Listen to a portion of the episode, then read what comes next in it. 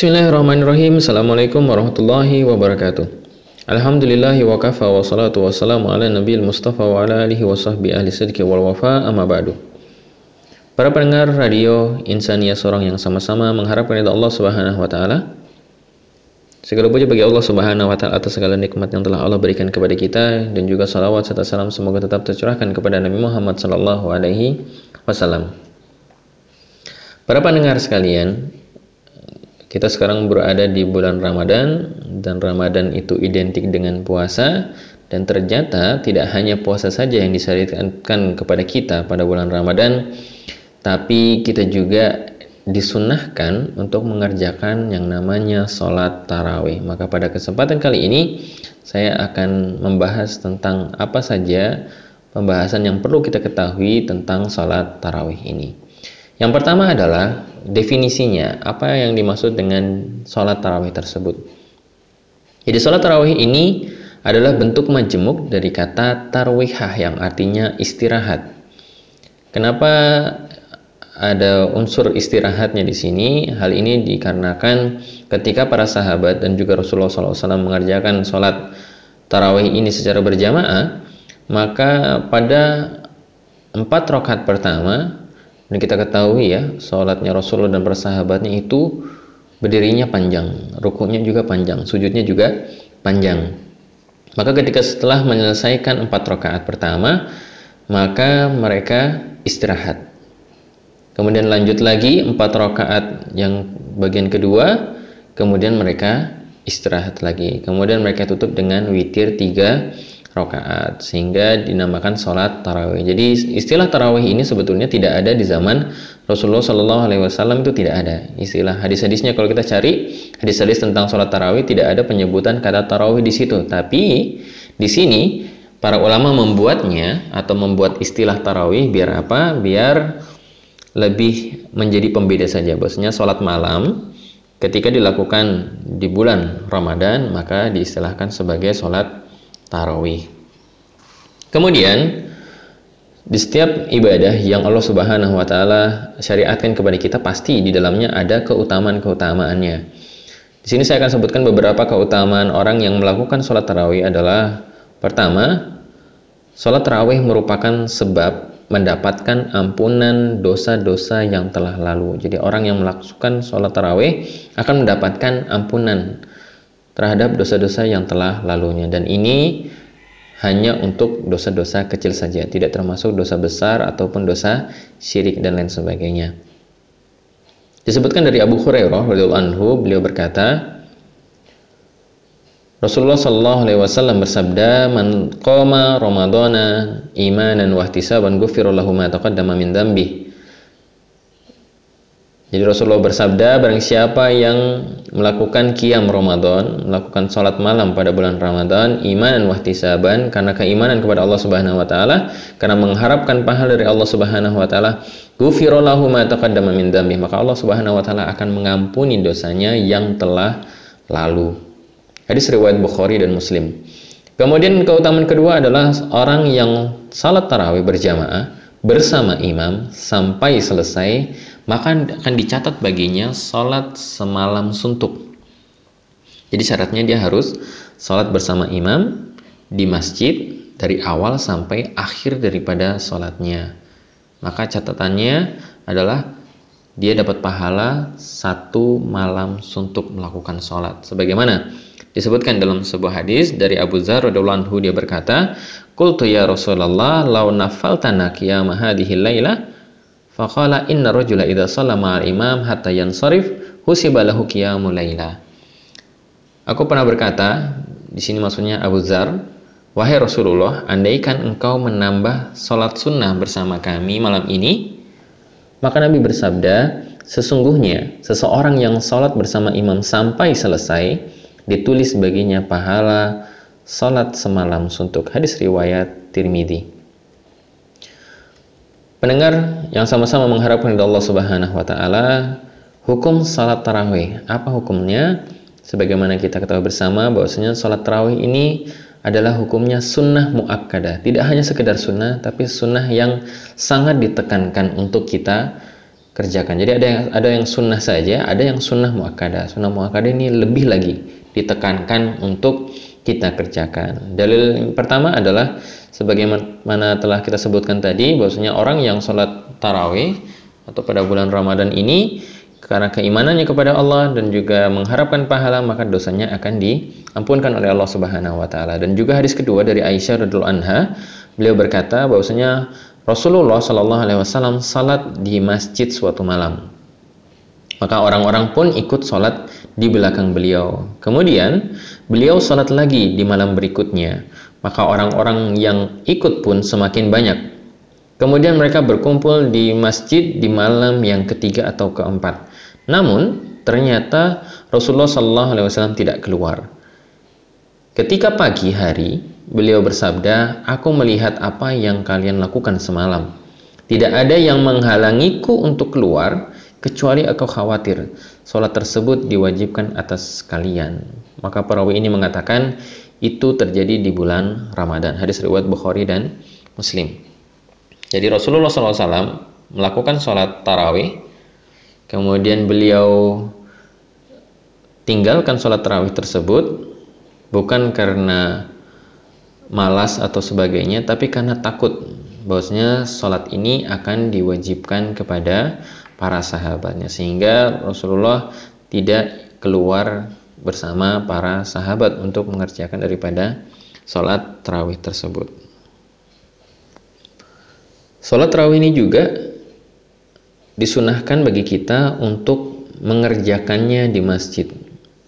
Tapi boleh kita mengerjakannya secara sendiri, di rumah juga boleh, tapi lebih utamanya adalah kita mengerjakannya di masjid. Karena contoh dari Rasulullah SAW ketika melakukan sholat tarawih dilakukannya secara berjamaah di masjid. Tapi boleh uh, tidak berjamaah boleh juga di rumah tapi tentu lebih utamanya ketika kita mengerjakannya di masjid.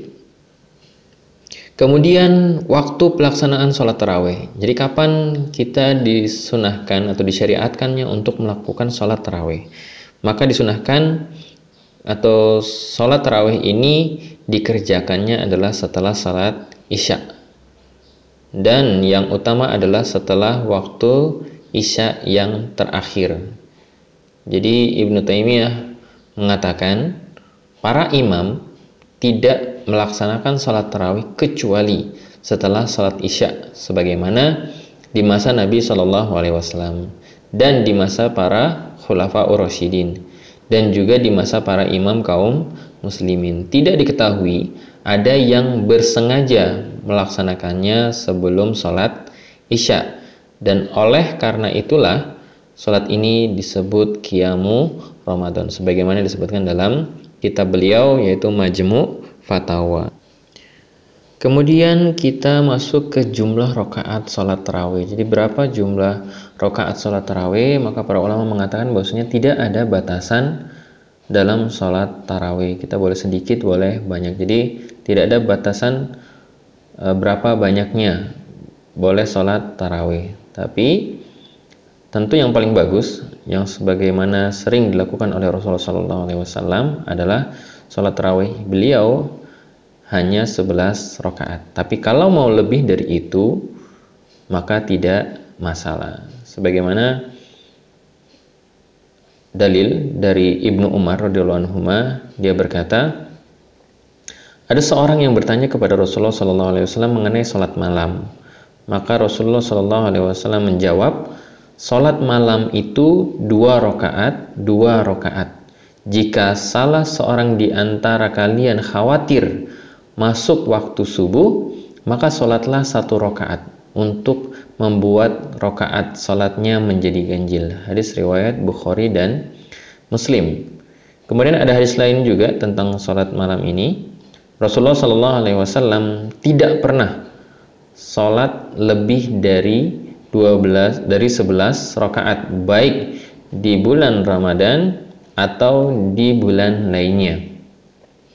Beliau sholat empat rakaat, jangan tanya mengenai bagusnya dan panjangnya.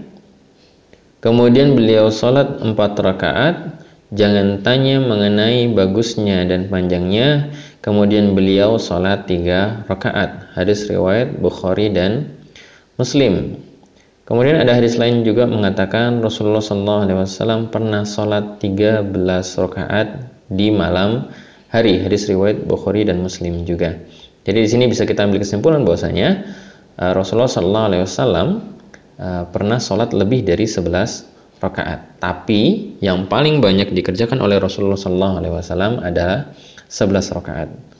Adapun pelaksanaannya ada yang dua-dua dua rakaat sekali salam, dua rakaat sekali salam dan ada pula yang berpendapat yaitu empat rakaat sekali salam, empat rakaat sekali salam, kemudian melakukan sholat witir tiga rakaat. Dan yang perlu kita perhatikan ketika kita sholat tarawih ini adalah bagaimana kita menjaga daripada kekhusyuan sholat kita dan juga menjaga daripada kebenaran sholat kita. Tidak masalah kita sholat 11 rakaat, tidak masalah juga kita sholat 23 rakaat atau lebih dari itu, tapi yang paling inti adalah bagaimana kita sholat dengan sholat yang benar, sholat dengan khusyuk, sholat dengan tumak nina. Karena banyak terjadi di luar sana, mereka sholat lebih dari 11 rakaat, tapi ternyata sholatnya ini sangat buru-buru, sholatnya sangat cepat, Sholatnya sangat tidak menjaga daripada tumak nina. Padahal rukun daripada sholat itu adalah tumak nina. Ketika seorang sholat tidak menggunakan tumak nina, maka sholatnya tidak tidak sah. Maka yang paling bagus adalah kita walaupun sholatnya misalkan cuma 11 rakaat, maka kita utamakan tumak ninahnya. Kita utamakan bacaannya dengan yang bagus tidak terburu-buru dan lain sebagainya. Karena apa? Tumanina tadi adalah rukun sholat. Jadi kalau kita mau sholat 23 rakaat boleh juga, tapi intinya harus menjaga daripada tumak nina sholat kita, bagusnya sholat kita.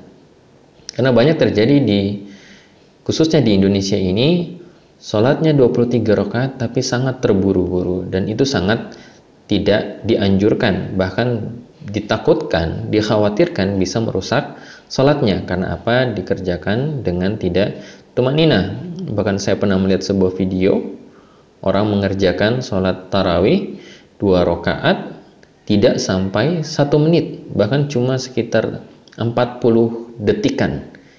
Jelas dilakukan dengan sangat tidak tumanina. Jadi intinya apa? E, tidak masalah banyak atau sedikitnya sholat kita ketika tarawih tapi intinya adalah kita harus mengerjakannya dengan tumak nina. Kemudian sholat tarawih ini juga dikerjakan dengan bacaan yang jahar. Jadi sholat tarawih ini tidak dikerjakan dengan bacaan yang sir atau tidak dikeraskan suaranya. Karena yang diajarkan oleh Rasulullah SAW untuk sholat tarawih ini yang dilakukan secara berjamaah, maka bacaannya dijaharkan atau ditampakkan. Dan sesungguhnya lebih bagus lagi ketika kita bisa membaca dalam sholat tarawih ini dengan bacaan-bacaan yang lebih panjang sebetulnya. Karena apa? Tentu lebih banyak pahala yang akan kita dapat. Atau kalau perlu mungkin untuk setiap malamnya kita bisa menghabiskan satu juz dalam satu malam. Jadi misalkan kita sholat selama 30 hari, satu bulan, maka kita telah menghabiskan satu Al-Quran, 30 juz. Kemudian bagian terakhir adalah pembahasan tentang sholat witir. Jadi sholat witir itu secara bahasa adalah artinya ganjil. Dan ganjil itu dari satu, tiga, terus lima, dan lain sebagainya. Pokoknya intinya dia harus witir. Dan minimal sholat witir itu adalah satu rakaat. Jadi kita boleh misalkan kita mengerjakannya 11 rakaat saja jadi 10 sholat tahajudnya satu rakaatnya witir boleh juga tiga rakaat witir. Para ulama beda pendapat tentang pelaksanaannya. Ada yang dua rakaat salam kemudian satu rakaatnya witir. Ada yang juga bisa lima rakaat langsung boleh. Itu dengan sekali salam. Jadi tidak ada duduk tengahnya. Ataupun 7, 9 dan lain sebagainya tidak pakai duduk tahiyat awal tapi langsung tahiyat akhir. Jadi untuk yang tiga rakaat ini, kalau kita lihat di masyarakat kita ada perbedaan pendapat. Ada yang tiga rakaatnya ini sekali salam, ada juga yang tiga rakaatnya dua rakaat dulu, kemudian sekali salam. Tapi kalau menurut saya pribadi, saya lebih suka untuk uh, yang pendapatnya tiga rakaat tapi sekali salam. Allah taala alam bisawab. Demikian yang dapat saya sampaikan. Semoga Allah Subhanahu wa taala memberikan kita keistiqomahan untuk mengerjakan sholat tarawih ini dari awal Ramadan sampai dengan akhir Ramadan. Amin ya rabbal alamin. Billahi taufiq wal hidayah. Assalamualaikum warahmatullahi wabarakatuh.